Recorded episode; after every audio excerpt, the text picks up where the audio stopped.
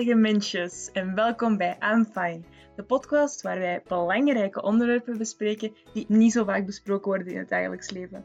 Hier nodig ik gasten uit die komen vertellen over hun levenservaringen met bepaalde zaken, bepaalde onderwerpen, waarvan ze denken dat het helpvol zou zijn als er meer over gesproken zou worden, om ook mensen die hiermee struggelen, die eventueel luisteren, te kunnen laten zien dat ze niet alleen zijn en dat er meer mensen zijn die hetzelfde probleem hebben of dezelfde zaken ervaring hebben. We hopen een vonk te zijn die gesprek in gang kan zetten in het dagelijks leven van de mensen die luisteren en hopelijk ook andere mensen, zodat deze onderwerpen meer besproken worden en zodat er meer aandacht voor kan zijn.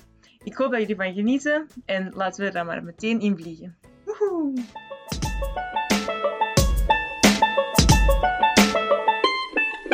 Welkom Eline. Dankjewel. um, ik ben heel blij dat jij hier weer bent. Ah, misschien begin bij het begin. Wie ben jij? Want je bent hier al eens geweest, maar misschien heeft niet iedereen die aflevering gehoord. Dus ja, vertel eens. ik zal misschien mezelf nog iets voorstellen.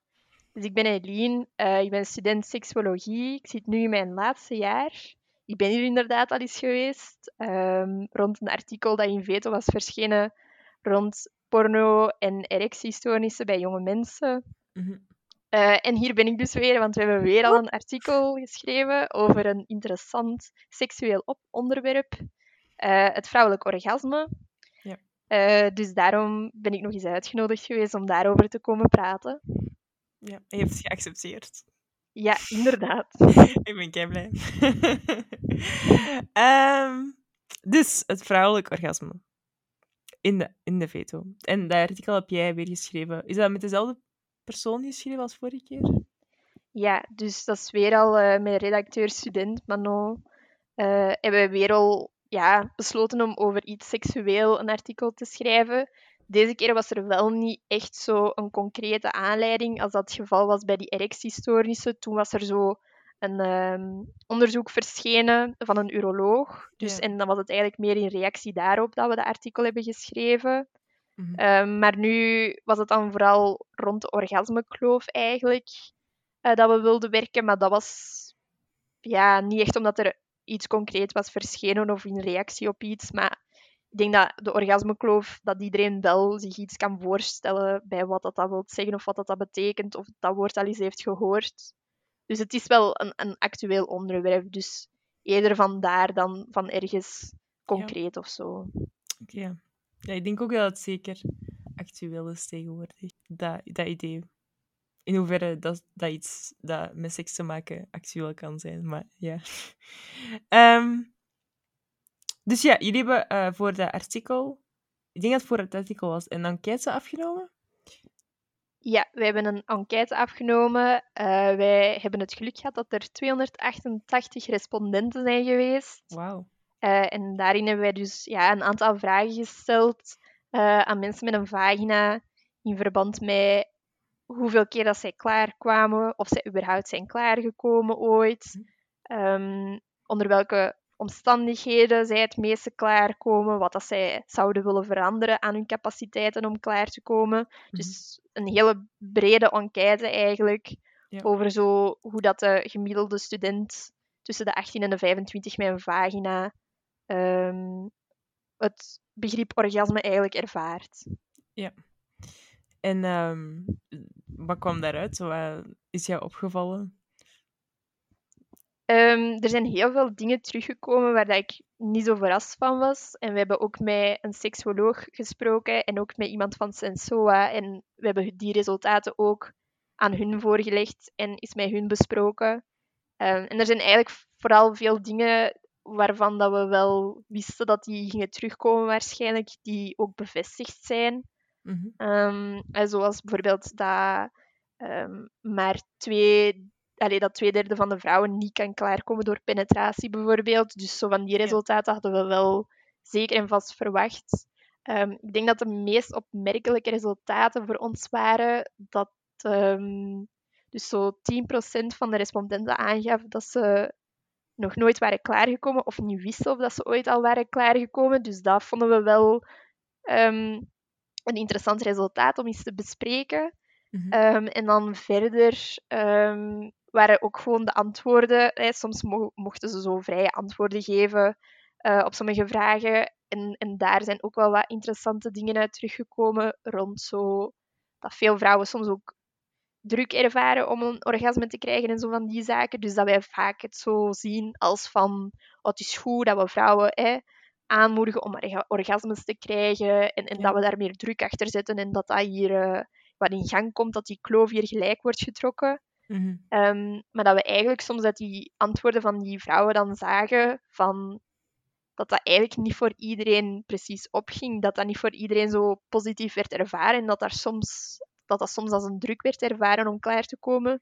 Dus dat was ook wel uh, een interessant iets waar we ook gewoon wel verder op wouden ingaan dan in die gesprekken met die seksuoloog. Mhm. Ja, dat is, dat is inderdaad een, een interessant idee dat het proberen gelijk maken van de orgasmekloof dan zo een averechts effect zou hebben en dan inderdaad zelfs voor een minder, gewoon minder plezier of zo, of enjoyment voor, voor de mensen met vagina dan involved zou zorgen. Oké, ik weet niet of die zin klopt. dat een lange zin. Ehm, maar ja, inderdaad, het is gewoon, het is gewoon ironisch, right? Omdat je, je, je wilt dat gat dichten, zogezegd, voor, om mensen te helpen, maar je bent gewoon meer druk aan het zetten. Ja, dat is inderdaad zowel een paradoxaal effect. En dat is ook zo... Ja, het, het ding dat de seksuoloog ook zelf aanhaalde. Eh, we hebben met een seksuoloog uh, gesproken. Mhm. Ehm, en die haalden ook zelf aan van dat dat inderdaad ja, ook ergens wel te verwachten is, aangezien dat... Het is natuurlijk belangrijk dat wanneer je met seks bezig bent, dat je niet heel prestatiegericht bent en zo bent van oké, nu moet ik klaarkomen, nu moet ik dit doen, nu moet ik dat doen, nu moet ik zo handelen en dit en dat. Mhm. Zeker als het over zoiets gaat als een orgasme, dat zijn geen handelingen die je zomaar kan doen. Dat is iets dat moet opbouwen en dat moet van zichzelf komen, maar je kan daar maar ook zo weinig aan doen om dat echt uit te lokken. Dat is ook gewoon een stukje dat eraan aan bijdraagt, is juist dat je moet ontspannen en, en dat je in die seks moet opgaan. Mhm. Of in die masturbatie moet opgaan. Dus dat dan ook niet iets is dat je zomaar kan forceren. Dus dat, die orgasmekloof, ja, door daar zoveel nadruk te leggen op dat orgasme, kan dat voor sommige mensen eigenlijk zelfs net extra druk geven om klaar te komen. Waardoor dat het moeilijker wordt om klaar te komen. Mhm. Ja. Wat de kloof dus eigenlijk groter maakt. ja. Wat zijn... Wel, het is heel, een heel pragmatische vraag, maar wat zijn eigenlijk de redenen dat die kloof er is? Wat zijn de redenen dat mensen met een vagina minder snel of minder gemakkelijk een orgasme krijgen dan mensen met penissen? Ja, we zien dus wel inderdaad dat vrouwen gemiddeld minder klaarkomen dan mannen. Zeker in die heteroseksuele relaties dan. Mhm. dat is wel ook een beetje de hoofdfocus geweest. Ehm, maar ja, hoe komt dat? Zoals veel dingen in psychologie en, en seksologie en alle dingen die zo, uh, zowel met het lichaam als met de geest te maken hebben, is dat eigenlijk biopsychosociaal. Dus een stukje biologie, um, in die zin dat vrouwen vaak meer tijd nodig hebben om opgewonden te worden en dat er vaak een langere stimulatie nodig is voordat een vrouw kan klaarkomen. Mhm. Ehm, er is ook een veel minder groot oppervlak eigenlijk waarop dat gestimuleerd kan worden. Hè. De focus ligt dan voornamelijk op de clitoris als, als, als het over klaarkomen gaat. Hè. Los van andere erogene zones die natuurlijk ook belangrijk zijn in opwinding. Mhm. Ehm, maar dus het is, het is wel veel moeilijker en ook veel gevoeliger. Uh, in die zin dat het ook voor, van vrouw tot vrouw dan weer verschilt van hoe gevoelig die, eh, die clitoris is, dat biologische aspect van um, het klaarkomen. Um, dus dat is een factor, dat het gewoon uh, voor vrouwen vaak wel langer duurt en, en ook wat moeilijker bereikbaar is. Want via de vagina kunnen we ook natuurlijk wel de clitoris indirect aanraken. Maar dan is het ook weer natuurlijk een, een kunst om te vinden uh, waar precies op de vaginawand gedrukt moet worden of dat de clitoris geraakt wordt. Dus dat is ook weer een, een hele oefening. Mm dat is natuurlijk geen excuus om niet te oefenen.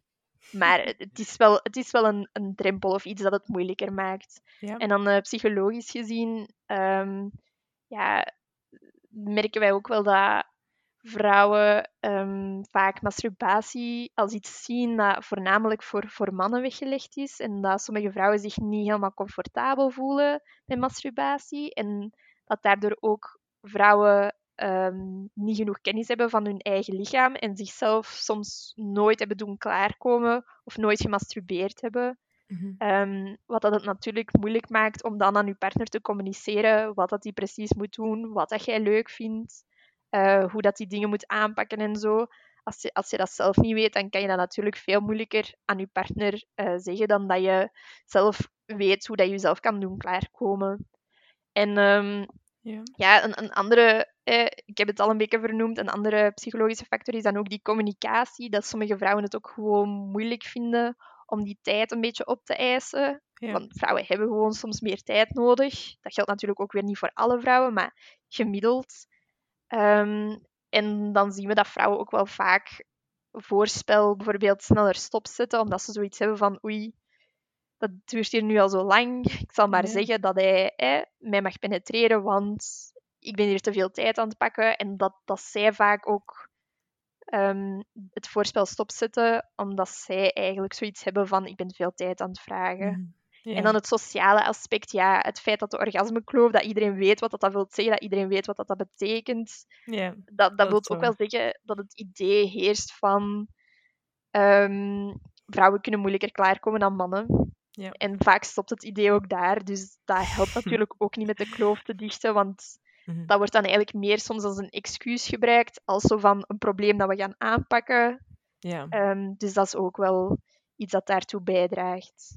Ja. Meer zo iets dat in de ronde is van, ah ja, het is zo en je moet dat gewoon accepteren, inderdaad. Ja, dat, dat het inderdaad zoiets gaat worden van... ehm, ja, vrouwen kunnen gewoon moeilijk klaarkomen en, en dat ligt niet aan mij en ik moet dat niet leren en dat ligt aan de vrouwen. Maar dat is natuurlijk een makkelijke oplossing. Hè. Als iets moeilijk is, het gewoon uit de weg gaan. Mhm. Hè. Maar dat, dat lost het probleem nog niet op. Dus dat is natuurlijk ook weer geen excuus, maar het is wel inderdaad iets ehm, dat daartoe bijdraagt, toe die, eh, tot die orgasmekloof. Ja. En je zei net dat ehm, meisjes minder masturberen dan, dan jongens. Weet je wat daar eventueel de reden voor kan zijn? Goh, eh, dat meisjes minder masturberen dan jongens, ja, er zijn veel verschillende redenen voor te geven. Ik denk dat het ja, sowieso het sociale een grote factor is, dus dat het bij meisjes een beetje minder besproken wordt eh, onder meisjes en dan, dan onder jongens. Dus dat daar soms wel een beetje een probleem zit. Alhoewel dat ik ook wel positieve tendensen zie in die upper dare avonden en zo. Dat is tegenwoordig wel echt veel aanwezig. Dus Mhm. ik denk wel dat dat op dat vlak wel echt goed aan het komen is, dat masturbatie ehm, bespreekbaar wordt en dat er ook meer geëxperimenteerd wordt. En dat er, zeker onder vrouwen, eh, dat daar ook wel meer... Eh, ja, dat, dat er meer samenwerking zelfs bijna is om, om elkaar dingen aan te leren en, en trucjes te leren en om bepaalde speeltjes soms zelfs aan te raden. Ik denk dat iedereen ondertussen de Satisfyer Pro wel kent. Mhm. Ehm, dus zo van die zaken, dat toont dan wel eigenlijk weer dat we over die masturbatiekloof, als ik dat zo mag noemen, dat we daar precies toch wel stappen in aan zijn. zijn. Ja, Ja. Wel stappen in nemen. Ja, dat Ja. dat inderdaad minder een taboe zou zijn of zo voor ehm vrouw. Voor, Ja. Ja, en, en natuurlijk eh, een andere factor dat daarin meespeelt, is iets dat we eigenlijk al vanaf jonge leeftijd zien, is dat eh, jongens vaak al op, op jongere leeftijd ook met hun geslachtsdelen bezig zijn dan meisjes. Hm. Ehm, en dat valt ook allemaal niet zomaar terug te eh, leiden tot, tot sociale overtuigingen of zo. Want we zien zelfs al dat in de baarmoeder eh, vrouwelijke embryo's minder doelgericht naar hun genitaliën gaan met hun handen dan dat ehm, mannelijke baby's dat doen.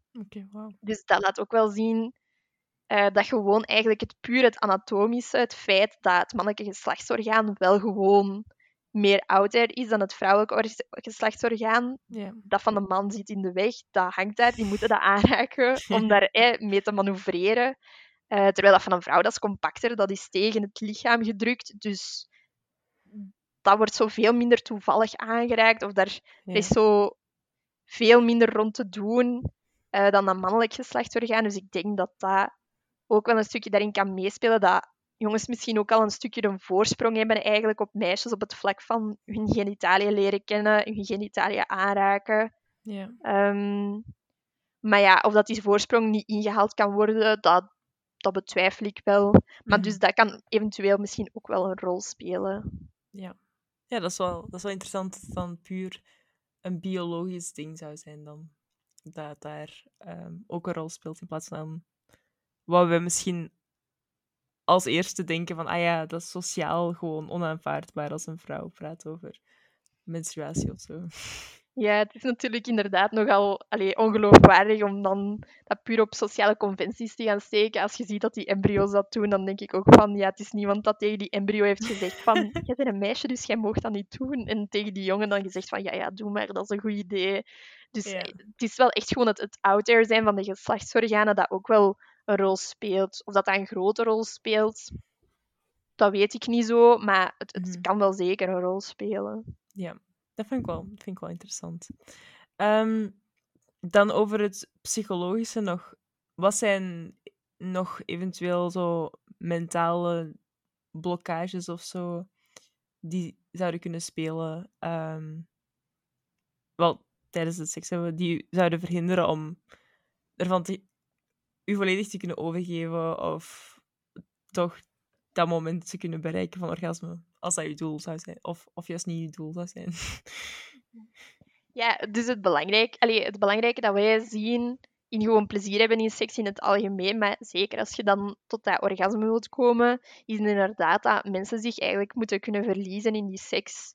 En dan, ehm, ja, allee, ik, ik spreek dan altijd over sexy thoughts. Mhm. Allee, veel mensen gebruiken die term, maar ehm, ja, zo, wat dat zeker geen sexy thoughts zijn, is dan zo van, oei, zie ik er wel goed uit zo? Is mijn buik niet te dik? Hangt mijn haar niet verkeerd? Eh, zit ik niet raar? Dus al die gedachten die, die door je hoofd komen, Mhm. dat, dat helpt allemaal niet met je te ontspannen, met helemaal op te gaan in die seks. Want dan ben je heel veel mee bezig met hoe kom ik over? Wat moet ik doen? Ehm, zie ik er wel goed uit? Eh, dat zijn allemaal gedachten die niet helpen met opwinding te verhogen, met bezig te zijn, met te concentreren op de gevoelens dat je hebt, want dat is ook iets belangrijk. Mhm. Dan ben je eigenlijk meer bezig ook weer met ja, hoe dat je eruit ziet, met de ander te pleasen.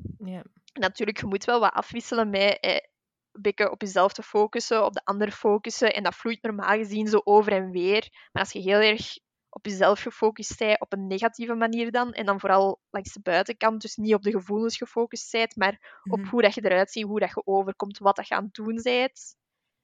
Dat heeft wel inderdaad een negatieve impact op, op, ja, o- op je plezier gewoon in het algemeen. En zeker op eh, het krijgen van een orgasme. Dat gaat daar wel heel hard onder lijden. Als je zo niet kunt opgaan in de seks en niet op je gevoelens kunt concentreren. En dat je heel hard bezig bent met al die externe componenten.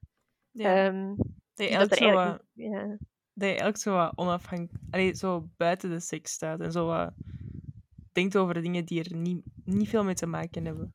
Ja, allee, dat is ook zoiets dat Masters en Johnson, voor de mensen die dat die kennen, die hebben dat al beschreven. En dat was in de jaren 60, 70. Hebben zij Oh. dat al beschreven in hun eerste seksonderzoeken. Mhm. En zij noemen dat spectatoring. En ja, Mm. niet goed. Niet goed als je zo het gevoel hebt dat je naar jezelf aan het kijken bent, terwijl dat je seks aan het hebben bent.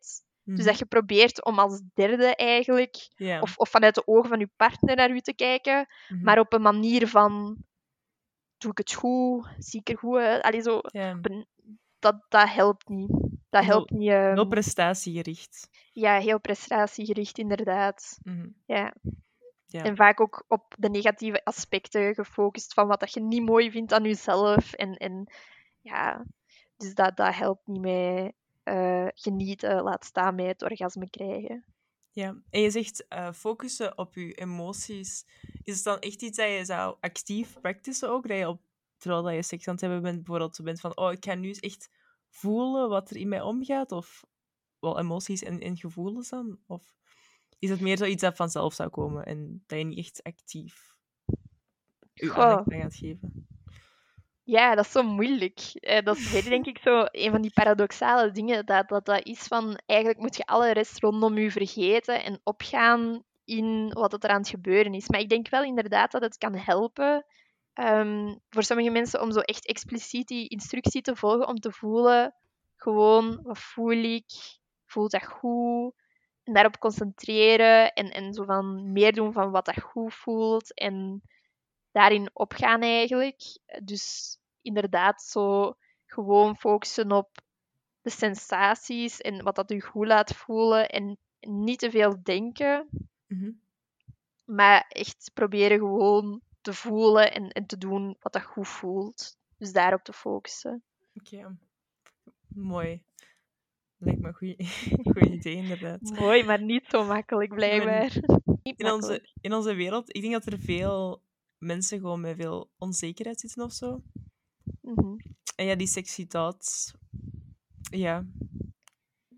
Dat is, ja, ik weet niet of dat, dat, dat, dat dat moeilijk is om te bereiken. Om alleen daaraan te denken. Ik denk dat ons hoofd ook heel, het heel gewoon is om constant zo aan verschillende dingen te denken overdag. Dat we zo heel aan het springen zijn van ding naar ding en dan... Mhm.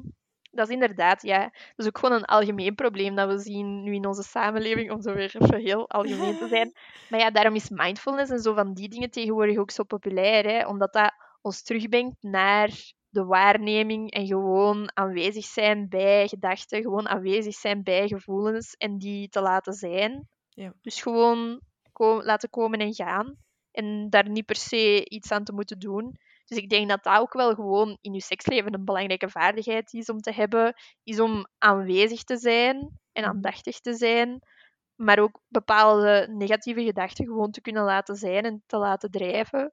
En daar ook niet van in paniek te schieten, maar voilà, want het is inderdaad ook nogal robotachtig om, om zo van iedereen te verwachten van en nu zit jij seks aan het hebben, je mocht aan niks anders meer denken. En dat je dan denkt van, oh nee, ik moet subiet nog naar de les gaan. En dan dat je dan denkt van, oh, nu is het helemaal verpest, want ik heb daaraan gedacht. Ja, dat is ook totaal niet waar. Maar dan dat gewoon te laten komen en te laten gaan. Ja, het mag, het mag er zijn. Je moet het niet beoordelen. Nee, voilà, inderdaad. Dus ik denk dat dat ook in je seksleven wel een belangrijke vaardigheid is. Zodat mindful zijn, Mhm. dat dat, dat, dat je zeker kan helpen met te focussen op die gevoelens en ook om te gaan met die negatieve gedachten en, en die er te laten zijn en dan niet zo van in paniek te schieten. Ja. ja. En iets anders dat misschien kan helpen. Zijn er manieren om bijvoorbeeld die sexy thoughts meer te stimuleren of zo? Of om meer zo te zijn van, oh wauw, ik ben... Ik, ik voel mij er goed op dit moment. Ik heb, ik heb plezier. Ik voel mij, ik voel mij sexy. Ik voel mij eh, aanwezig en, ik weet niet, involved in the game. Ja, ja, er zijn veel manieren waarop dat je dat kunt eh, omhoog krijgen. Maar ik denk dat het eerste belangrijk is dat je goed voor jezelf zorgt. Dat je jezelf graag ziet. ehm, eh, dat je lief bent voor jezelf. Dus al die dingen zijn gewoon al heel belangrijk over het algemeen. Dat je Ja. eraan begint met een gevoel van algemeen welzijn. En dan zo wat betreft tijdens die seksualiteit zelf.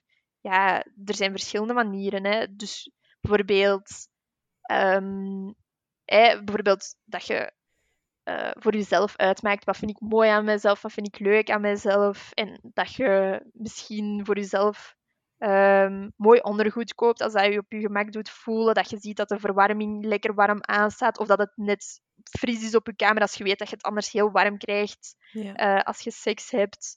Eh, dat je ziet van, goh, heb ik liever het licht aan of uit? Welke standjes vind ik leuk? En in welke eh, benadrukken de dingen die ik leuk vind aan mijzelf? Of op welke manieren voel ik mij goed? En allee, zo, dat je misschien ook met je partner bespreekt van, over die dingen ben ik wel onzeker. Bijvoorbeeld mijn buik, als ik bovenop u zit, dan heb ik zo wat Mhm. vetrolletjes. En dan heb ik zo het gevoel dat je daar de hele tijd naar zit te kijken. En dan Mhm. kan het helpen dat je partner zegt van daar ben ik totaal niet mee bezig. Ik ben naar daar of daar aan het kijken. En ik ben daarop gefocust. En ik zie dat zelfs niet. Of eh, als dat u nog altijd stoort, dan kan het ook gewoon helpen met dat je zegt van, kijk, als we dat dan doen, kunnen we dan het licht uit doen. En zo van die dingen. Dus dat ook gewoon je partner op de hoogte is met wat dat jij leuk vindt, wat dat jij leuk vindt aan jezelf. Mhm. En dat hij daar dan ook rekening mee kan houden. En dat hij niet alleen die negatieve dingen uitsluit, maar dat hij ook die dingen dat jij leuk vindt aan jezelf, of, of bepaalde situaties of handelingen dat jij leuk vindt, dat hij dat maximaliseert eigenlijk. Want natuurlijk, seks is wederzijds, dus dat is geven en nemen. En, en het is ook gewoon superleuk om dingen te geven aan je partner en, en te weten wat dat hij leuk vindt en daarop volledig te kunnen ingaan. Ja. Dus ik, ik denk dat dat ook zeker niet, eh, niet erg is om sommige dingen te vragen aan je partner of zo, of dingen Mhm. voor te stellen. Ik denk zelfs dat dat kan helpen ehm met juist veel betere, be- beter seksleven te hebben, in die zin dat, die vaak, dat er vaak dingen zijn dat zij misschien nooit over hadden gedacht of zo, maar dat gewoon doordat ze dat weten, dat die dat dan kunnen doen en dat dat voor u een gigantisch verschil maakt, terwijl dat, dat voor hen ook iets superplezierig kan zijn, omdat ze weten dat dat je zoveel plezier geeft. Mhm. ja. Ja, ja, communicatie sowieso is eh, Mhm. heel, heel belangrijk. En zeker, ik denk dat praten over seks misschien wel moeilijk is eh, in deze huidige tijd. Ik weet het niet. Maar ik denk dat dat inderdaad, zeker in een relatie, dat daar, dat daar ruimte voor zou moeten zijn. En dat dat enorm plezierig kan zijn als je daar allebei comfortabel mee bent. Mhm. Ehm, wil je praten over Leonor Thiefer? Ja, natuurlijk wil ik praten over Leonard Tiefer. Hebben we niet Ja. afgesproken hoor. Het is helemaal spontaan. Eh, ja, goh, Leonard Tiefer. Die had hier ook het een en ander over te zeggen. ja. Eh, maar dat is eigenlijk ja, dat is niet in het artikel of zo teruggekomen. Maar ehm, Mhm. dus eh Lauren en ik hebben ook een gesprekje gehad hiervoor. Maar dus voor de mensen die Leonard Tiefer niet kennen, misschien moet ik ze even voorstellen. Dus dat is een. Amerikaanse seksuologe die heeft onderzoek gedaan, sex research, en ehm, die heeft ook ehm, boeken geschreven. eh, is zelf ook heel eh, activistisch in het feminisme. Dus die heeft Mhm. heel veel ja, acties en zo gedaan. En, en vaak ook in verband met eh, seksualiteit en zo. Ehm, en eh, dat was onlangs een gastspreker bij ons eh, in de tweede master seksologie. Cool. En dan had iemand het onderwerp van de orgasmekloof ook bij haar aangehaald. Ja. Ehm, maar eh, jullie moeten ook wel weten dat Leonor Tiefer is in haar onderzoek en, en in haar theorie of hoe dat zij naar seksualiteit kijkt, Mhm. ehm, is zij heel sociaal constructionistisch. Dus haar, haar meest gekende boek is ook Sex is not a natural act. Dus ehm, haar idee is eigenlijk van seksualiteit is niet natuurlijk. Seksualiteit is niet iets dat in ons zit en dat wij zomaar weten hoe dat we dat allemaal moeten doen en aanpakken. Seksualiteit is grotendeels cultureel vormgegeven Mhm. ehm, en is, is, is iets dat we moeten leren, net zoals dat mensen leren dansen. Dus bijvoorbeeld hoe dat wij nu eh, in onze huidige samenleving naar seksuele voorlichting bijvoorbeeld kijken. Mhm. Ehm, dat is eigenlijk net zoals dat wij tegen een ballerina zouden zeggen van dit is uw been, zo werken uw spieren.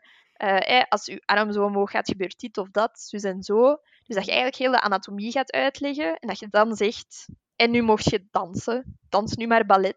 Ja, En dat dat eigenlijk een beetje is hoe dat wij eh, seksuele voorlichting vaak aanpakken. Zo alle organen uitleggen dat daar iets mee te maken hebben. Uitleggen hoe dat die allemaal werken, wat dat die allemaal kunnen doen. Mhm. En dan zeggen, veel plezier ermee. Dan nooit uitleggen hoe en wat. En eh, het is natuurlijk ook wel zo dat eh, handelingen zoals dansen, handelingen zoals seks, dat zijn natuurlijk ook dingen die je niet...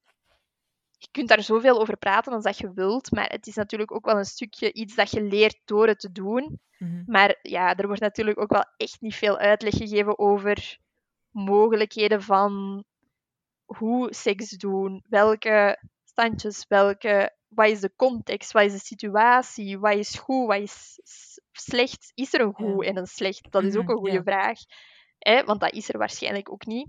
Maar dus dat er eigenlijk rond de context van seks ook heel weinig gesproken wordt over ja, wat moet ik daar nu mee? Met al Mhm. die info. Want uiteindelijk is het ook die info die voor, voor de leek in seks meestal niet zo belangrijk is. Meestal ook omdat eh, die, die lessen, die voorlichtingslessen, dat is ook vaak gefocust op reproductie. En Ja. je mocht is dan iedereen vragen zo van hoeveel keer heb jij seks gehad om een kind te krijgen en hoeveel keer heb jij seks gehad voor je plezier. Ja. En vergelijk dat nu eens met elkaar. En dan zult je inderdaad wel zien dat heel veel mensen heel veel seks hebben voor hun plezier. En dat, dat seks hebben voor een kind te krijgen, dat dat eigenlijk niet zoveel gebeurt. Mhm. Dus, ehm, dus eigenlijk ja, is, is dat een beetje in ons curriculum. Is dat een fout? Nee, want ik vind dat kinderen mogen dat weten en, en mensen mogen dat weten hoe dat allemaal werkt. Dat is ook belangrijk. Maar Ja, ja. dan doen alsof dat, dat de primaire functie is van, onze, van ons seksueel stelsel, of, Mhm. of de enigste functie, dat is dan ook wel een beetje kort door de bocht. Ja. Dus dat is ook allemaal belangrijk om aan te leren. Ehm, Ja. En dus Leonard Tiefer, dan hadden we die orgasmekloof ook bij haar aangehaald. Ehm, eh, en, we- en dan vroeg iemand, ja, is dat nu iets... Allee, wat denkt u daarvan? Eh, hoe kunnen we dat gelijk trekken? En, het- en ja, het eerste wat dat zij daarop antwoordt, eh, wat dat eigenlijk wel te verwachten is vanuit haar denken, is, is Mhm. direct van... Maar waarom moeten we dat gelijk trekken? Waarom, waarom zouden we dat moeten gelijk trekken? Waarom moet seks eerlijk zijn? Mhm. Dus dat is ook een beetje een idee dat nu bij ons zo zit ingebakken, is dat wij heel prestatiegericht zijn, dat we heel ehm, ook gewoon kwantitatief gericht zijn. Zo van, Mm, het moet eerlijk zijn en we moeten hier alles precies beginnen tellen. En hoeveel keer zijt jij klaargekomen? Hoeveel keer ben ik al klaargekomen? Ah, ik ben vorige keer niet klaargekomen, jij wel. Dus deze keer moet ik zeker klaarkomen. En zo verder. Hè. En als je daar dan zo over begint na te denken, dan begint seks ineens wel een heel stukje minder sexy te worden. In die zin als zo van, gaan we nu iedere handeling tegenover elkaar afwegen Mhm. om te zien of dat het eerlijk is geweest? Of gaan we gewoon vragen van, vond jij het leuk? Vond jij het goed? Ja. Zijt jij tevreden? Bent jij fysiek voldaan? Bent jij emotioneel voldaan? Mhm. En dat vragen wij eigenlijk niet. Mhm. Dus de- bij die orgasmekloof is dat ook, bent jij klaargekomen? Maakt dat, er, maakt dat uit? Kunt je klaarkomen en zeggen van, eigenlijk ben ik toch niet voldaan, Mhm. emotioneel of fysiek? Was het toch niet helemaal wat ik wou of wat ik verwacht had? Dus dat kan perfect. Dus dat orgasme is zo, geeft ons een fout gevoel van controle. Van oké, als we een orgasme hebben, dan weten we dat de seks goed was, dat de seks af was. Mhm. Dat, dat geeft ons een vals gevoel van controle. Want was de seks wel goed of af? Gewoon omdat je een orgasme hebt gehad. Ja, inderdaad. Niet per se eigenlijk. Hè. Mhm. Dus dat is ook iets wat dat, eh, Leonard Tiefer aanhaalde daaromtrent. Dat dus ja, dat, dat, dat we bij sommige vragen dat we onszelf stellen, zeker in verband met seks, zo van, moet seks eerlijk zijn? En Mhm. hoe moet seks dan eerlijk zijn? Want eerlijk in die zin als, we gaan hier alles en zien. ja, zeker als je dan eh, naar sommige milieus gaat kijken, hè, bijvoorbeeld ehm, bij BDSM-milieus of zo, als je daar, ja, sorry, maar daar is het net, eh, daar is het vaak net dat je de submissives en de dominants hebt en Mhm. daar gaat je ook niet alle handelingen tegenover elkaar afspelen. Ah nee, want het gaat hem net om die rollen. Dus daar gaat je ook niet de hele tijd zitten rekenen en afwegen, want het gaat hem net om het verschil. Mhm. En hetzelfde bij ehm, eh, mensen die zich als top of bottom identificeren. Dan gaat je daar ook eigenlijk een stukje die hun ervaring misschien zo wat ja, ehm, minimaliseren. Zo van, dat moet hier eerlijk zijn. Dus het top en bottom, dat moet dan eigenlijk weg. Want ja, jullie hebben niet dezelfde ervaringen. Dat moet hier allemaal eerlijk zijn. Mhm. Terwijl dat je, je hebt gewoon mensen die liever geven en je hebt mensen die liever nemen. Je hebt Mhm. mensen die evenveel willen geven en nemen.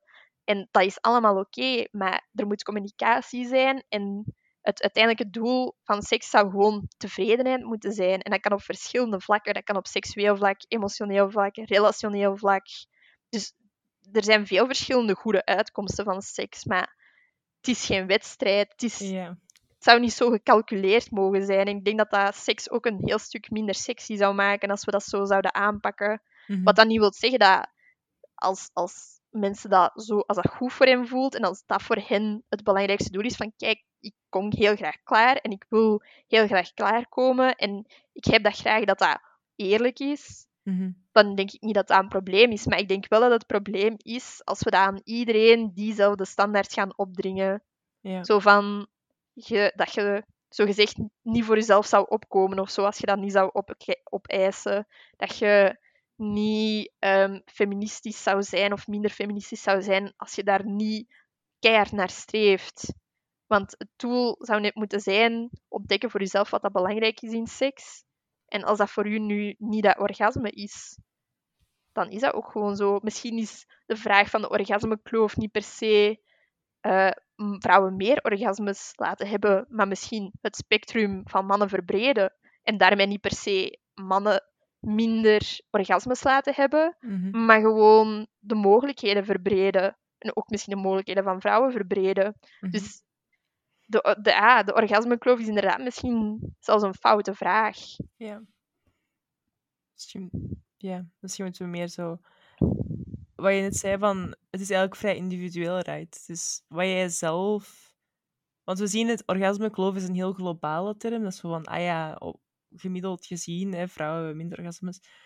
Maar als je dan zo inzoomt op een persoonlijk le- level, is het eigenlijk gewoon... Het draait eigenlijk gewoon om wat jij leuk vindt. En als jij wilt het eerlijk wilt, dan inderdaad kan het eerlijk, eerlijk zijn. Of als jij eh, gewoon je plezier wilt hebben en niet wilt focussen en, eh, op een doel en gewoon die rollen wilt hebben of zo, dan is dat allemaal, allemaal oké. Ja, inderdaad. En ook gewoon, als je nu iemand bent dat heel graag geeft en dat heel graag iemand orgasmes geeft, dan zou ik ook niet weten waarom dat, dat een probleem zou zijn, dat jij daar minder belang aan hecht dat jij een orgasme krijgt of niet. Je moet ook een orgasme hebben. Evenveel. dat is niet eerlijk. Moeten we dat uittellen? ja. Maar ik denk ook, wat je juist zei, van, dat dat minder feministisch zou zijn of zo, om dan zelf niet evenveel orgasmes te hebben als je partner. Ik denk dat dat misschien wel een deel is van, van waar het komt. Het idee van, ah ja, het moet gelijk zijn. Omdat inderdaad nu, we zijn heel hard bezig met vrouwen en mannen moeten op alle vlakken gelijk zijn. En misschien zijn we het zo te hard aan het doortrekken op sommige vlakken, bijvoorbeeld, bijvoorbeeld orgasmes omdat onze biologie daar gewoon anders is. En onze behoeftes zijn ook gewoon van mens tot mens, of je nu man of vrouw bent, gewoon anders. Mhm. Ja, inderdaad. Ik, allee, denk dat, allee, ik denk ook niet dat je die biologie als een excuus of zo mocht gebruiken. Ja, Allee, als iemand dan zou zeggen van... eh, ja, sorry, maar allee, vrouwen komen gewoon moeilijker klaar, dus het ligt aan nu. eh, dat mag geen excuus zijn om, om, eh, om als vrouw minder orgasmes te krijgen of minder orgasmes te mogen vragen. Mhm. Ehm, dan niet. Maar het is wel inderdaad belangrijk om zo ervoor te zorgen dat iedereen gelijke opportuniteiten heeft, dat de kennis meer verspreid wordt, dus dat er zoveel mogelijk kloven gedicht worden. Maar die orgasmekloof per se dichten, daar zie ik zo het nut niet echt van in. Mhm. Zo individueel, als jij dat belangrijk vindt, wel. Maar zo op een algemeen maatschappelijk niveau, denk ik van... Dat zou goed zijn. Dat, maar zou dat echt iets veranderen? Ik denk dat de seksuele tevredenheid veel belangrijker is. En Ja. dat houdt niet per se een orgasme in. Dat dat veel belangrijker is dan, dan die orgasmekloof. Dus dat wij nu zo op het aan het focussen zijn, maar niet op die seksuele tevredenheid Ja. ergens is dat ook wel logisch, omdat een orgasme is ook zo een apart event. Dat is makkelijk te meten. Je hebt een orgasme gehad, ja of nee. Ja. Seksuele tevredenheid, hoe gaat je dat meten? Dat is veel moeilijker, veel abstracter om vast te stellen, om, om onderzoek over te doen, dan dat zo'n orgasme is. Een orgasme is echt een, een distinct event, terwijl zo die seksuele tevredenheid, dat is ook iets... Ja, dat, dat, dat loopt ook over sekspartijen heen. Dat is niet van...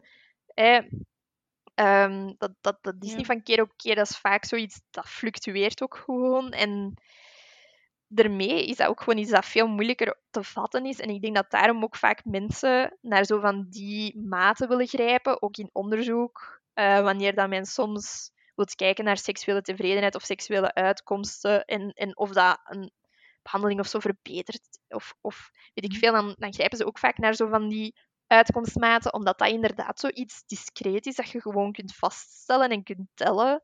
En dat maakt het ook gewoon veel tastbaarder. Die tevredenheid is iets veel abstracter, maar misschien wel belangrijker dan dat dat orgasme is, denk ik. Ja, dat denk, dat denk ik ook. Ja. ja, inderdaad. Ik denk dat je inderdaad kunt zeggen op een globaal level is misschien. Is inderdaad die tevredenheid. Oké, sorry. Mijn hoofd. Dus inderdaad, op een globaal level kun je zeggen van die tevredenheid zou meer gelijk moeten zijn dan. En, ehm, maar of het dan via orgasmes gaat, is iets individueel dat je zelf kiest. Ja. Ja, exact. Dus dat, dat het inderdaad zoiets is van dat iedereen gewoon voor zichzelf kan kiezen, dat iedereen voor zichzelf kan bepalen en ook gewoon ja, dat al die kloven uit de weg worden gehaald. Dus dat, dat er zoveel mogelijk kennis is, eh, dat er zoveel mogelijk communicatie is. Dus, en dat, dat beide partners weten wat dat de andere partners belangrijk vinden en zo van die zaken. Ik denk dat dat veel meer bijdraagt tot, tot tevredenheid dan zo te focussen op dat orgasme. Mhm. Natuurlijk, als dat orgasme belangrijk voor u is, dan is dat belangrijk voor u. En dan mocht je ook gewoon tegen je partner zeggen, ja kijk, sorry, ik weet dat dat bij mij iets langer duurt misschien, of iets moeilijker is, of eh, wat technischer. Maar ik vind dat heel belangrijk. En dan denk ik ook van, ja, eh, het is ook gewoon belangrijk om dat dan te bespreken met je partner en dat aan te geven en zo. Maar om ervan uit te gaan dat dat voor iedereen opgaat, dat vind ik dan ook weer zo wat kort door de bocht. En dan denk ik ook van, misschien moeten we ook gewoon het seksuele, de seksuele speeltuin, zegt Mhm. een van mijn proffen vaak, gewoon voor mensen verbreden. Want dan is het inderdaad mensen die willen de hele tijd van de glijbaan. Maar heb je al eens naar het klimrek gekeken of heb je al eens naar de wip gekeken? Dus eh, dat, ik denk dat dat veel belangrijker is, dat mensen weet hebben van alle opties die ze hebben, weet hebben van wat vind ik leuk, wat vind ik niet leuk.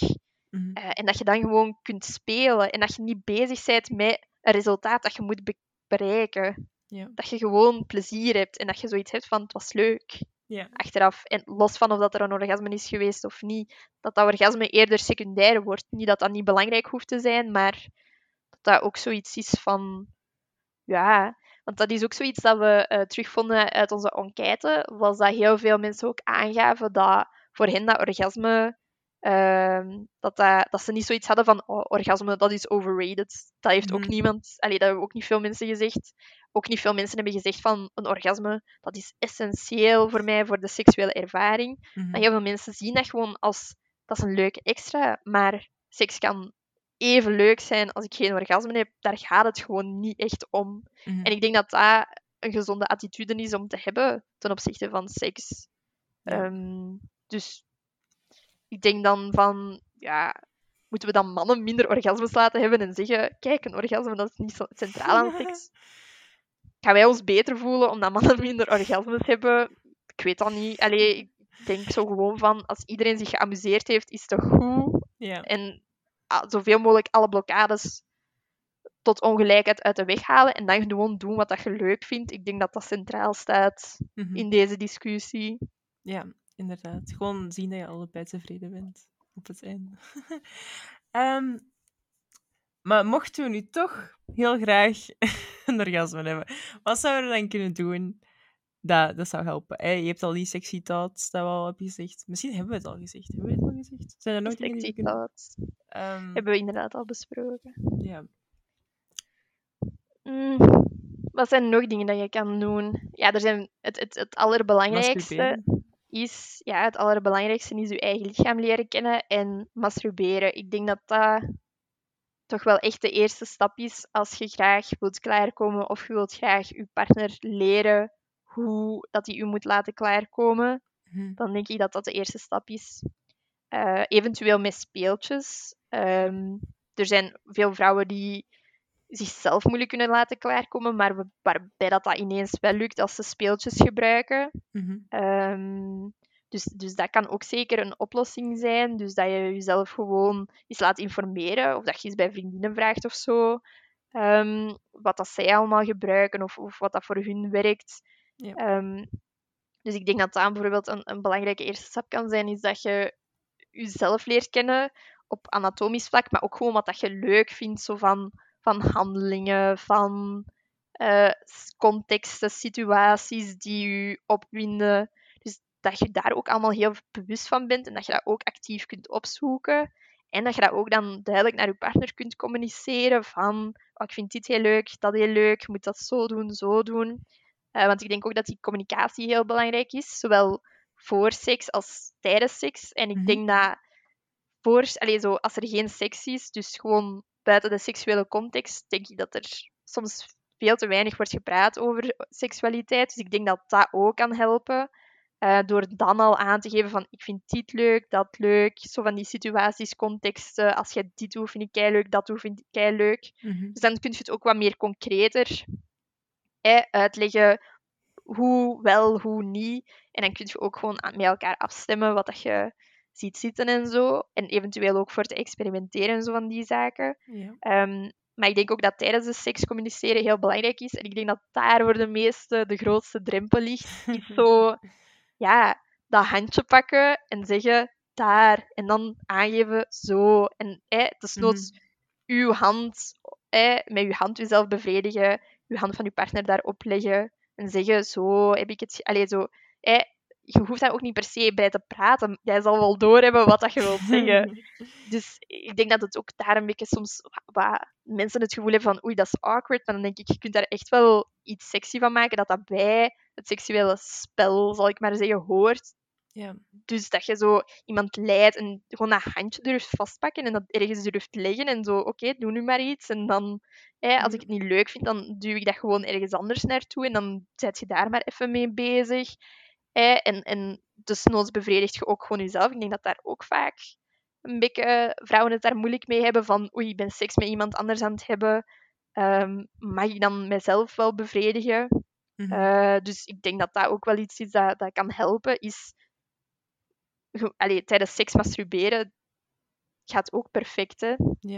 Dus ehm, dat is ook iets dat eventueel wel kan helpen met klaarkomen tijdens seks. Zeker als, als je gepenetreerd wordt. Ja, twee derde van de vrouwen kan op die manier niet klaarkomen. Dus als je dan zelf toch wilt klaarkomen, dan denk ik dat het helpt als je partner of jijzelf jezelf nog clitoraal extra stimuleert. Dat kan u over die drempel helpen. Ehm, maar dus ik denk dat die dingen wel echt heel belangrijk zijn. Maar de eerste stap is nog altijd echt jezelf leren kennen op dat vlak. Want Mhm. als je het zelf niet weet, dan kun je het ook heel moeilijk aan iemand anders uitleggen wat dat die precies moet doen. Wat dat je precies wilt, als je het zelf eigenlijk niet zo goed weet.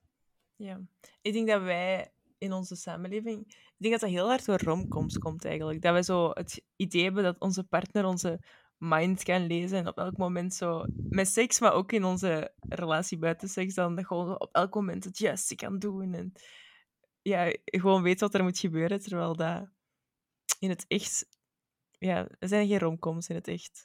en in het echt zijn we geen tele- telepaten of zo. Nee, dat is inderdaad, ja. Dat, dat, dat is een beetje teleurstellend, denk ik, voor sommige mensen. Dat dat inderdaad zo is van... Allee, jij bent toch mijn partner, ik zie je graag, jij ziet mij graag. Dan zou je toch moeten weten wat dat ik leuk vind. Mhm. En ja, dat vind ik dan zo... Ja, zo een beetje erg soms om te zeggen, omdat dat zo is van precies... Of je ziet iemand minder graag omdat je niet precies weet wat dat hij wil doen of zo. Of wat dat hij leuk vindt. Dan denk ik ook van, ja, als je dan niet zegt of je vraagt daar zelf niet naar... Ja, dan, dan, dan wordt het moeilijk natuurlijk. Hè? Als seksualiteit niet bespreekbaar is, ja, dan, dan is het altijd een beetje een verrassing wat dat er allemaal gaat gebeuren. Hè? Als je het maar gewoon zo'n beloop laat, dat kan ook perfect werken. Hè? Maar ik denk wel dat die communicatie wel iets belangrijk is. Mhm. Als je graag wilt dat je partner u kan doen klaarkomen. Mm, ja, natuurlijk. Ja, en, en, en ook gewoon, meestal, soms helpt het ook om als tussenstap te nemen dat als je wel kunt klaarkomen als je masturbeert, als je Mhm. dat stapje hebt bereikt, maar het is moeilijk om je partner aan te leren of te communiceren hoe dat hij dat moet doen. Mhm. Zeker niet stoppen met oefenen. Oefening baart kunst.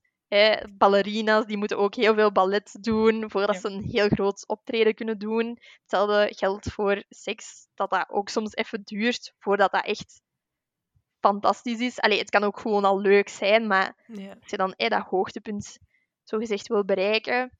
Eh, maar als tussenstapje kan het ook wel helpen eh, dat je bijvoorbeeld ook jezelf gewoon probeert te bevredigen terwijl dat je partner daarbij is. Dat het Mhm. soms een nieuwe factor kan bij zijn van oei, daar is nu iemand bij. Dat je eerst leert om jezelf te bevredigen terwijl dat je partner daarbij is. Nog als tussenstapje voordat je je partner dan leert hoe dat hij u moet bevredigen. Ja. Want zo, bij sommige mensen ja, heerst er ook soms wel een angst van, als je klaarkomt natuurlijk, verlies je ook een stukje de controle, zo gezegd. Dus dat, je- dat je spieren beginnen te bibberen, eh, dat je geluiden maakt, dat je, eh, je baarmoeder trekt ook ritmisch samen, je bekkenbodemspieren. Dus eh, dat kan wel dat je zo even het gevoel hebt van ik verlies aan de controle, dus ik vind dat een Mhm. beetje eng. Dus als je dan eerst misschien als tussenstap probeert eh, al die grens te over, over, allee, over te komen van oké, die heeft mij nu al zien klaarkomen. Eh, allee, waarschijnlijk gaat hij dat super opwindend vinden, je partner, en gaat hij zoiets hebben van dat wil ik nog eens zien of eh, dat wil ik zelf kunnen doen. Dus eh, dat dat ook wel een positieve ervaring kan zijn van ah ja, is Ja. erger in mijn hoofd dan ik dacht of zo. Of, of ja, Ehm. ik maak het iets erg in mijn hoofd terwijl mijn partner het geweldig vindt. Ja. Ja, voilà. Ah, Wel, dat, dat je misschien zo'n beetje... Allee, ik denk dat dat wel meevalt, maar ik denk dat sommige vrouwen wel daar zo wat schrik van hebben van oei, dan ga ik er zo raar uitzien of vreemde gezichten trekken Mhm. of... De ehm, spectator weer. ja, de spectator weer. Dus ik denk dat dat dan wel een goede tussenstap kan zijn, is dat je niet ineens van jezelf stimuleren naar dat je partner het helemaal moet doen Mhm. gaat, maar dat je dan als tussenstap nog neemt van oké, eerst leren om klaar te komen terwijl dat mijn partner erbij is. Als dat een drempel voor u vormt, denk ik wel dat dat kan helpen. Ja. Nog iets. Dus we hebben dan onze tips net gehad voor zo een orgasme te kunnen krijgen, als we, als we dat echt, als dat ons doel is inderdaad.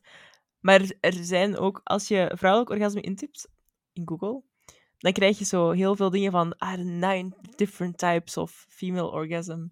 En zo van die dingen. Ja. Wat mij daar dan altijd aan opvalt, is dat ze zo clitoriaal zeggen en dan vaginaal en dan G-spot en dan A-spot en dan erogene zones en zo. Maar die eerste dingen die ik net heb opgenoemd, zijn eigenlijk allemaal de clitoris, right? Ja, dus het is inderdaad eh, zeker dat aspect van het, ehm, het vaginaal orgasme, dat is echt één grote mythe. Eh, het vaginaal orgasme bestaat niet. De enige personen die vaginaal klaarkomen zijn mannen. dat is altijd een mopje dat ze bij ons maken in de richting. Ehm, maar dus het, het vaginaal orgasme bestaat eigenlijk niet. Allee, het hangt er ook wel vanaf wat dat je er precies mee bedoelt. Maar er is niks in de vagina of zo dat kan goed voelen. Maar het is meestal door indirecte stimulatie van de clitoris Mhm. dat dat goed voelt. En, en door indirecte stimulatie van de clitoris dat iemand dan kan, gaat klaarkomen. Dus hè, het, het clitoraal orgasme is dan standaard orgasme. Dus het, ook het orgasme dat meestal bereikt wordt door masturbatie. Mhm. Ehm, maar het vaginaal orgasme is, is eigenlijk ja, een mythe. En dat wordt eigenlijk zo wat in stand gehouden door sommige wetenschappers. Eh, vroeger Freud zei ook van dat het vaginaal orgasme het enige volwassen orgasme was. Ah, ja. Ehm, dus ik denk dat dat ook wel uit zo van die oude ideeën eh, komt en, en blijft terugkomen dat, ehm, ja, dat, dat het onvolwassen is Mhm. als je niet eh, vaginaal kunt klaarkomen en zo van die zaken. En dat vaak ook ja, op basis daarvan ook veel ideeën worden verspreid die ook gewoon helemaal fout zijn. En dus bij deze eh, ook gewoon de G-spot. De G-spot is ook gewoon weer een bepaalde plek van de clitoris die dat gestimuleerd door een bepaalde beweging te maken, door dat, die haakbeweging te maken Mhm. als je met je vinger in de vagina zit. Maar dat is ook weer gewoon de clitoris dat je aan het simuleren bent. Ehm, en wat betreft die erogene zones, dat draagt ook zeker bij tot de opwinding. En er zijn ook mensen eh, die zeggen zo op die manier te kunnen klaarkomen. Ook sommige mensen die bepaalde verlammingen hebben.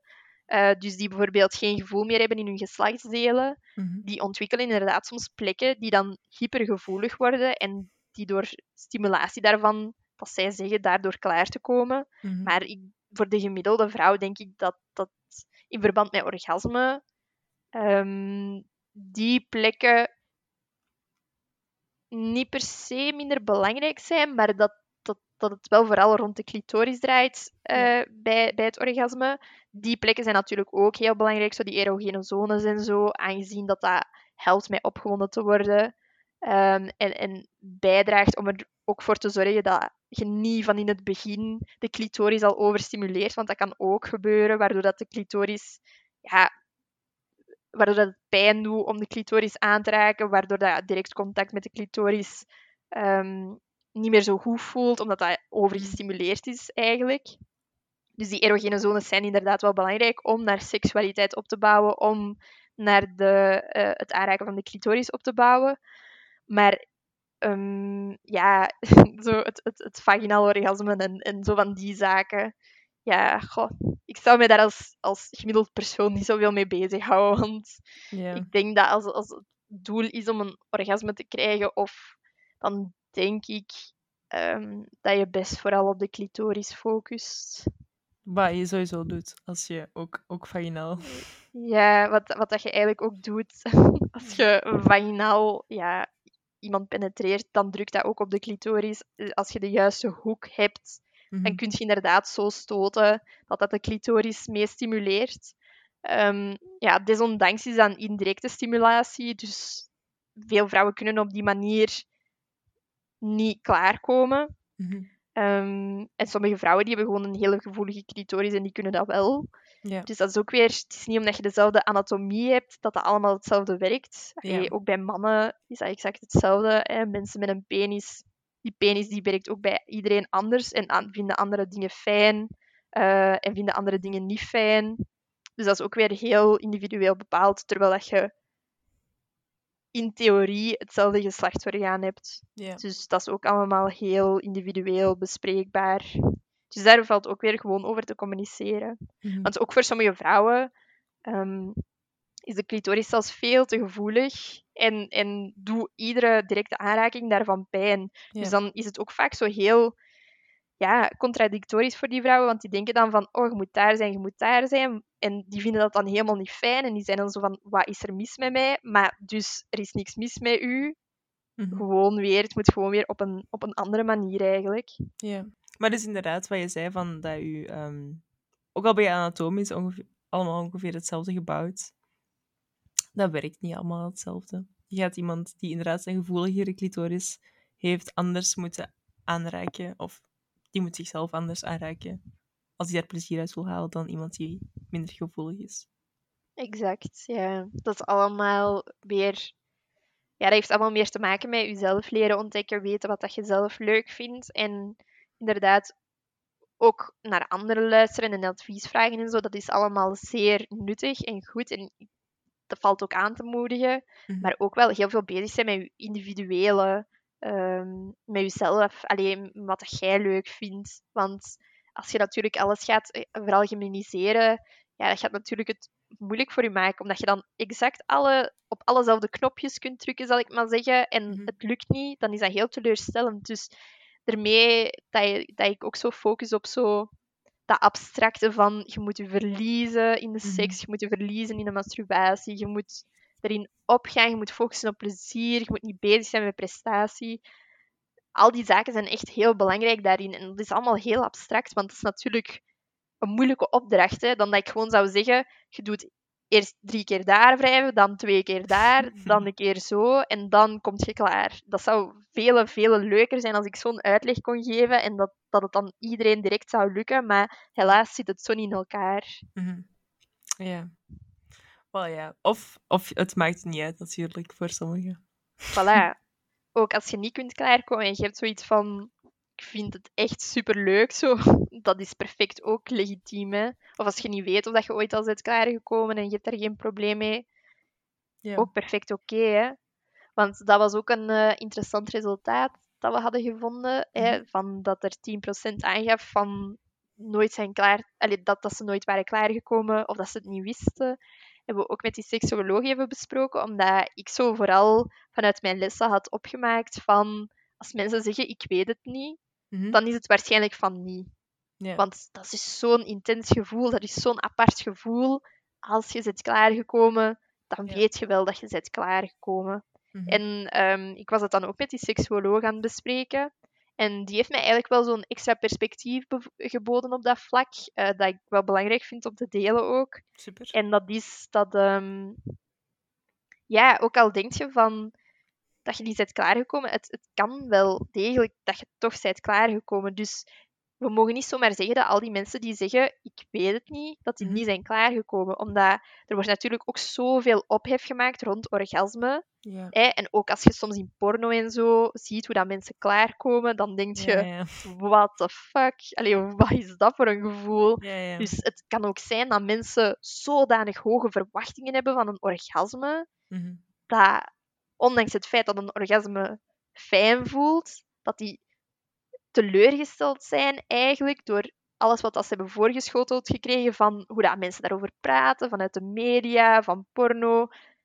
Dat eens dat ze dat orgasme krijgen, dat die toch teleurgesteld kunnen zijn eigenlijk. En dat die dan zoiets hebben, deze kan het niet zijn, toch? Ja. ja. Het was wel een heel speciaal gevoel, maar als ik dat zo zie, dan is het toch wel Niet echt veel specialer dan dat. Dus dat kan natuurlijk ook wel meespelen, zodat je verwachtingen zo hoog zijn, dat je dan eigenlijk wat teleurgesteld bent door de ervaring. Zo van, ah, dat was het. Allee, ik zeg natuurlijk ook niet dat, dat, dat mensen nu eh, zich moeten laten aanpraten, zo van... Ja, Ah, ja. maar eh, ik heb in die podcast gehoord. Het kan echt perfect dat je wel bent klaargekomen, dat je het gewoon niet weet. Het is wel een heel apart gevoel. Ja. En waarschijnlijk gaat je het wel echt herkennen. Ehm, maar het kan dat het niet helemaal aan je verwachtingen voldoet. Mhm. Ehm, dus dat is wel belangrijk om, om ook in het achterhoofd te houden. Van, want bijvoorbeeld eh, als, als casus ehm gaf die seksuoloog bijvoorbeeld eh, een vrouw en die dacht dat als vrouwen klaarkwamen, dat die ook spuitend klaarkwamen. Dus dat die squirten. Dat dat automatisch bij iedere vrouw bij het klaarkomen, dat die squirten. En die zei, ja, ik ben nog nooit klaargekomen, want ik heb dat nog nooit gedaan. En dan heeft Mhm. zij aan die vrouw nog moeten uitleggen van, ja, maar oei, zo werkt het niet. Mhm. Allee, dat is, nog iets, e- dat is nog iets extra, dat is nog iets anders. Maar je kunt klaarkomen, de meeste vrouwen komen klaar, zonder Mhm. dat die eh, daarbij ook een vrouwelijke ejaculatie hebben. Mhm. Dus daarmee, allee, de- er is ook soms wel wat misinformatie, ook omdat dat zo... Orgasme is eigenlijk voornamelijk een gevoel. Dus dat is zo moeilijk om te omschrijven, zo moeilijk om, om aan iemand uit te leggen hoe dat, dat voelt. Ja, meestal leggen ze het ook weer gewoon vooral in anatomische termen uit. Maar ja, je gaat niet zo zijn van, ah ja, ik voel mijn baarmoeder en mijn bekkenbodemspieren samentrekken. Dit zal wel een orgasme zijn. Ja, Ja, ja. ja. Ja. En denk je dan dat de invloed van porno bijvoorbeeld ook een soort van negatieve ehm, invloed kan hebben? Op dan van, wel, uw verwachtingen van, ehm, van, van, van, hoe noemt het? van klaarkomen. Dat. En ehm, misschien, misschien ook bijvoorbeeld die onzekerheid of zo.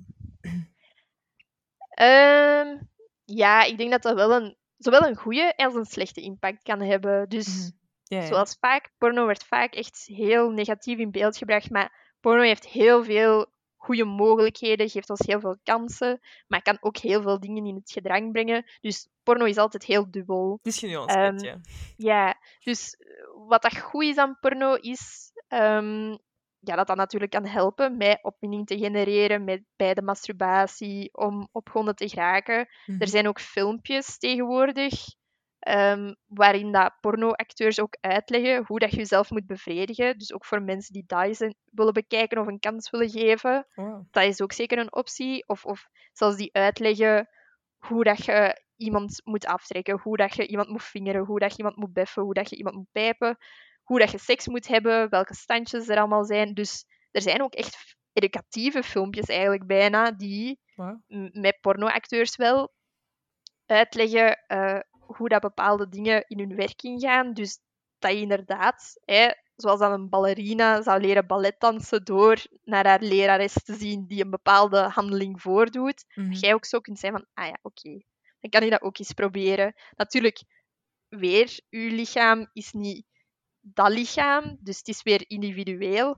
Maar het maakt het wel natuurlijk makkelijker dat je zoiets hebt om, om op af te gaan, dan dat je zo maar wat toe. ja. Voilà, en niet weet eh, waarop en waaraf. Ehm, maar de ja, negatieve effecten kan natuurlijk wel zijn, inderdaad, hè, dat dat orgasme zo overdreven wordt. In porno staat dat ook vaak centraal. Mhm. Ehm, ik, eh, tegenwoordig kan je zo, in Pornhub kan je zo zien, eh, is daar zo'n balk, Mhm. en dan kan je zo zien hoeveel mensen dat op dat tijdstip hebben gekeken. En dus in het begin is dat veel, en dan mindert dat even. En dan zie je ineens terug dat dat kijkersaantal, dus het mensen dat aan het kijken is, stijgt als het orgasme gaat komen. Dus iedereen wil ook dat orgasme zien. Ja. Omdat dat, ja, dat is wel zo precies ook echt iets... Mensen willen dat zien, mensen vinden dat fijn om te zien, mensen vinden dat opwindend. Dus het orgasme staat ook wel vaak centraal in porno. Dus dat kan ook wel zo een fout beeld geven over scripts van hoe dat, norm, allee, hoe dat alledaagse seks gaat. Van, er is misschien niet altijd een orgasme. Mhm. En moet er wel altijd een orgasme zijn. Ja. En dan ook gewoon puur qua, qua lichaamsbeeld. Ja, dat is al veelvuldig besproken. Hè, dat dat foute verwachtingen kan geven over lichamen, over mannenlichamen, over vrouwenlichamen. Ehm, en dan zeker in verband met vrouwen ja, is, het, is het ook vaak ehm, onzekerheid over de geslachtsdelen. Ehm, Ja. Dus bijvoorbeeld het idee van de binnenste en de buitenste schaamlippen. Dus bij veel vrouwen komen de bin- binnenste schaamlippen uit de buitenste schaamlippen. Ja. Ehm, en dat kan zo... eh, Ja, voor veel vrouwen vinden dat niet mooi of hebben zo het idee dat, dat, dat er iets fout is of dat er dan iets mis is, omdat dan die binnenste schaamlippen uit die buitenste komen. Dus ook gewoon die benaming is daar wel een beetje jammer eigenlijk, omdat dat een fout beeld geeft van hoe dat het er zou moeten uitzien. ja. Want die binnenste zouden dan Ehm, binnen moeten zitten, maar die De zijn niet. binnenste zouden dan binnen moeten zitten, zogezegd. Ja. Dus eh, dat kan ook wel een beetje ervoor zorgen dat je, ook tijdens seksualiteit, dan niet volledig erin kunt opgaan, omdat je onzeker bent over hoe dat je geslachtsorganen eruit zien en, en hoe dat bepaalde, ja, en hoe dat je partner daarop gaat reageren. Ja. Ja. Maar dus ja, genuanceerd inderdaad. Mhm. Maar ik denk dat dat ook wel... Wel ja, dat, dat weten we natuurlijk allemaal, omdat onze seksuele voorlichting in de school zo meer anatomisch gericht is, dat we een andere plek moeten vinden om het dan wel te leren. En dat dan dat porno niet per se altijd de beste leerschool is, maar... Wel ja. Nee, voilà. Het is zeker niet kniepen en plakken.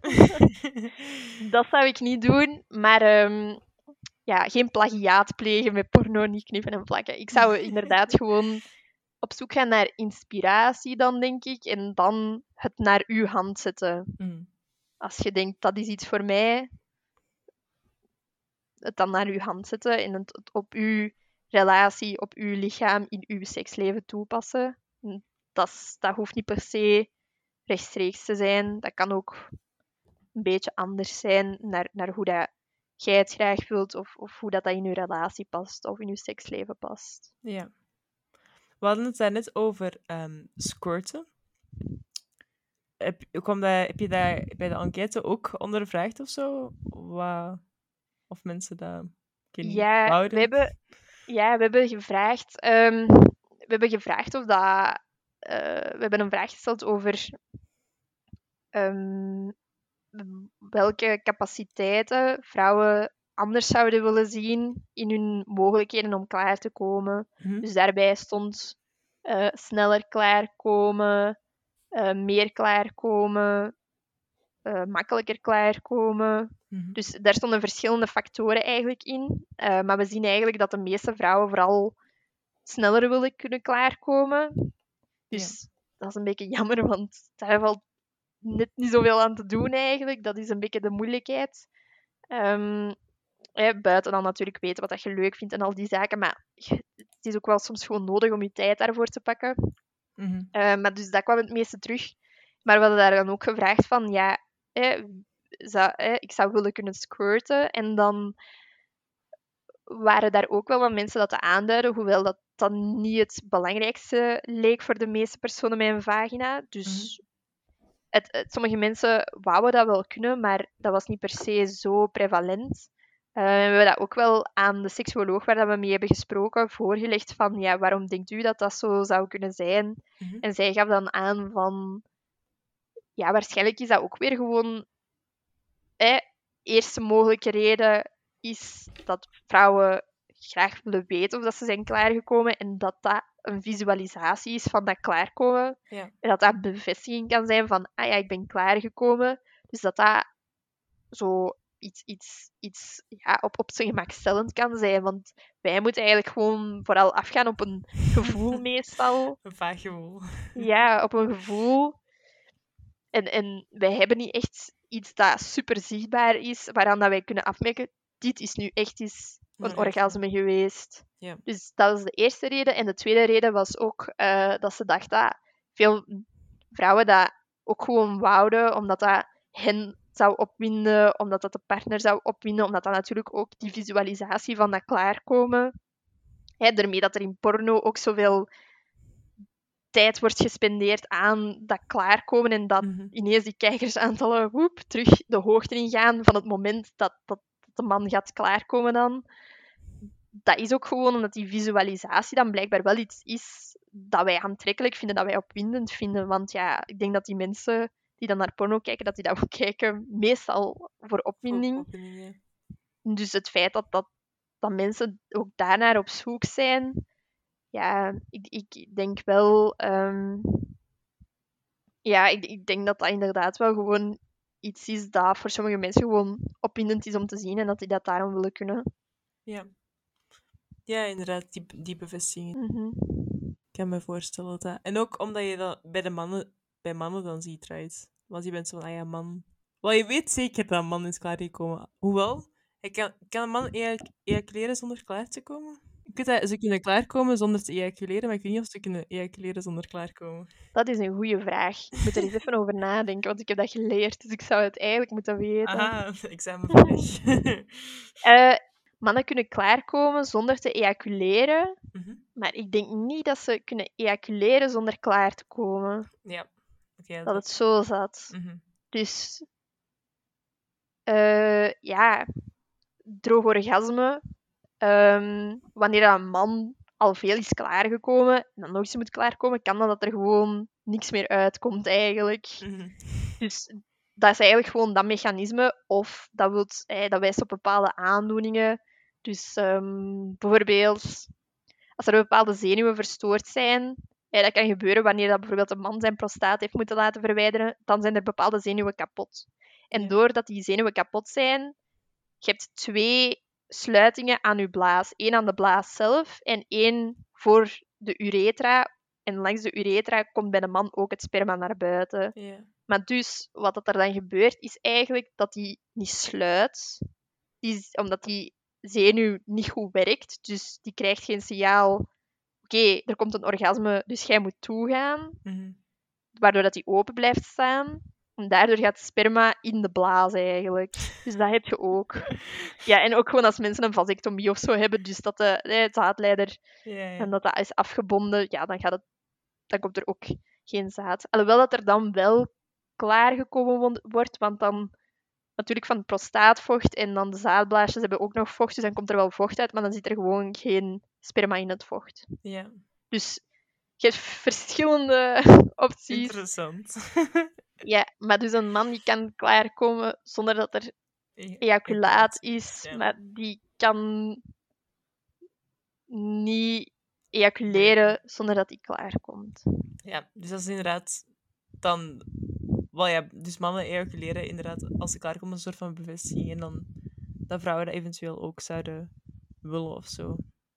Ja, dat dat voor vrouwen dan inderdaad langs de ene kant iets is ehm, van, ja, ik wil dat kunnen omdat ik dan weet dat ik ben klaargekomen. Of ik wil dat, of, ja, of allebei, of ik wil Mhm. dat kunnen ehm, omdat ik dat opwindend vind, omdat mijn Ja. partner dat opwindend vindt, eh, om dat te zien. Ja.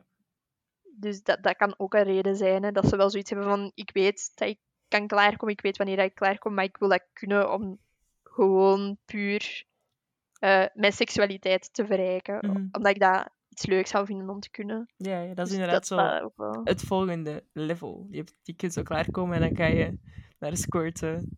Of naar meerdere, voilà. naar meerdere Want- keren klaarkomen. Of... Ja, maar je hebt even goed, want ik met die seksuoloog ook zo ineens heel wat vragen bij zitten stellen. En die zei Mhm. dan ook van, ja, je hebt ook vrouwen die dat, dat heel vaak doen.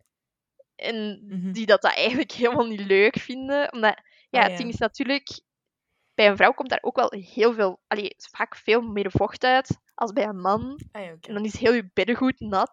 Moet je dat helemaal gaan verversen. Ja. En dan, dan snap ik wel van, oké, misschien moet je niet zo, moeten we niet teleurgesteld zijn als ze dat niet kunnen. Mensen die dat, dat dan echt niet kunnen controleren en dat kei vaak hebben, dan moeten die zo alles gaan verversen en zo. Mhm. Terwijl, dan, ja... Dus ja, want ik denk ook niet... Allee, het, het, orgasme verandert niet of zo. Uw orgasme is niet beter omdat je geëjaculeerd hebt als vrouw. Mhm. Dat is eigenlijk gewoon vooral een, een reflex, reflexmatige reactie eigenlijk. Dus dat, dat heeft niks te maken met dat dat intenser zou zijn of dat dat beter zou voelen. Mhm. Ehm, dus dat is puur voor oftewel dan het zelf te weten of Opwinding. eh, voor de opwinding van uzelf of uw partner of allebei. Oké. Ehm, is er nog iets waarvan je zegt van dat zou ik nog graag bespreken? Tips of zo die je zou hebben voor mensen? Ja, ah, wel ja, die, die pornofilmpjes dat er dan zijn waarin dat mensen nu uitleggen hoe dat je moet masturberen, hoe dat Mhm. je dit en dat en zus en zo moet doen. Ja, ik denk dat dat persoonlijk wel echt heel goed kan helpen. Ah, en ook nog een, een andere tip wat ik echt zou aanraden, is ook gewoon puur anatomisch naar uw vagina kijken. Dus echt Mm. gewoon met een spiegel tussen uw benen gaan zitten en dan kijken en gewoon proberen om al de verschillende onderdelen van je vagina te benoemen. Want je ziet altijd zo van die plaatjes in, in biologieboeken en tijdens seksuele voorlichting en zo. Maar in Ja. de praktijk ziet dat er natuurlijk allemaal anders uit en bij iedereen ziet dat er anders uit. Mhm. Dus dat kan ook al helpen met gewoon die anatomie een beetje te leren kennen en ook gewoon leren jezelf dan al aan te raken op een niet-seksuele manier. Mhm. Dus dat kan ook wel helpen met al gewoon jezelf te leren kennen. Dat hoeft niet per se direct op een seksuele manier te zijn, maar gewoon dat je jezelf weet hoe dat je in elkaar zit. Dat is natuurlijk ook gewoon belangrijk. Ehm, Ja. Als je aan dat seksuele wilt werken, waar dat alles zich bevindt. En, en hoe dat, dat voelt voor u om gewoon op die manier al met je genitaliën bezig te zijn. Mhm. Eh, dus ik denk dat dat ook wel zeker kan helpen. Oké, super. Ik vond het heel interessant. Ah. Ehm, ik denk, ik hoop dat andere mensen er ook iets aan hebben. En eh, ja, super bedankt. dat om is heel hier, graag gedaan. om hier weer te zijn en een leuk gesprek te hebben met mij. Ehm, voor de podcast. Ja, Graag gedaan. Het was heel gezellig weer. dankjewel. En dan, ehm, dan gaan wij de opname afsluiten. hè. Tadaa! Doei!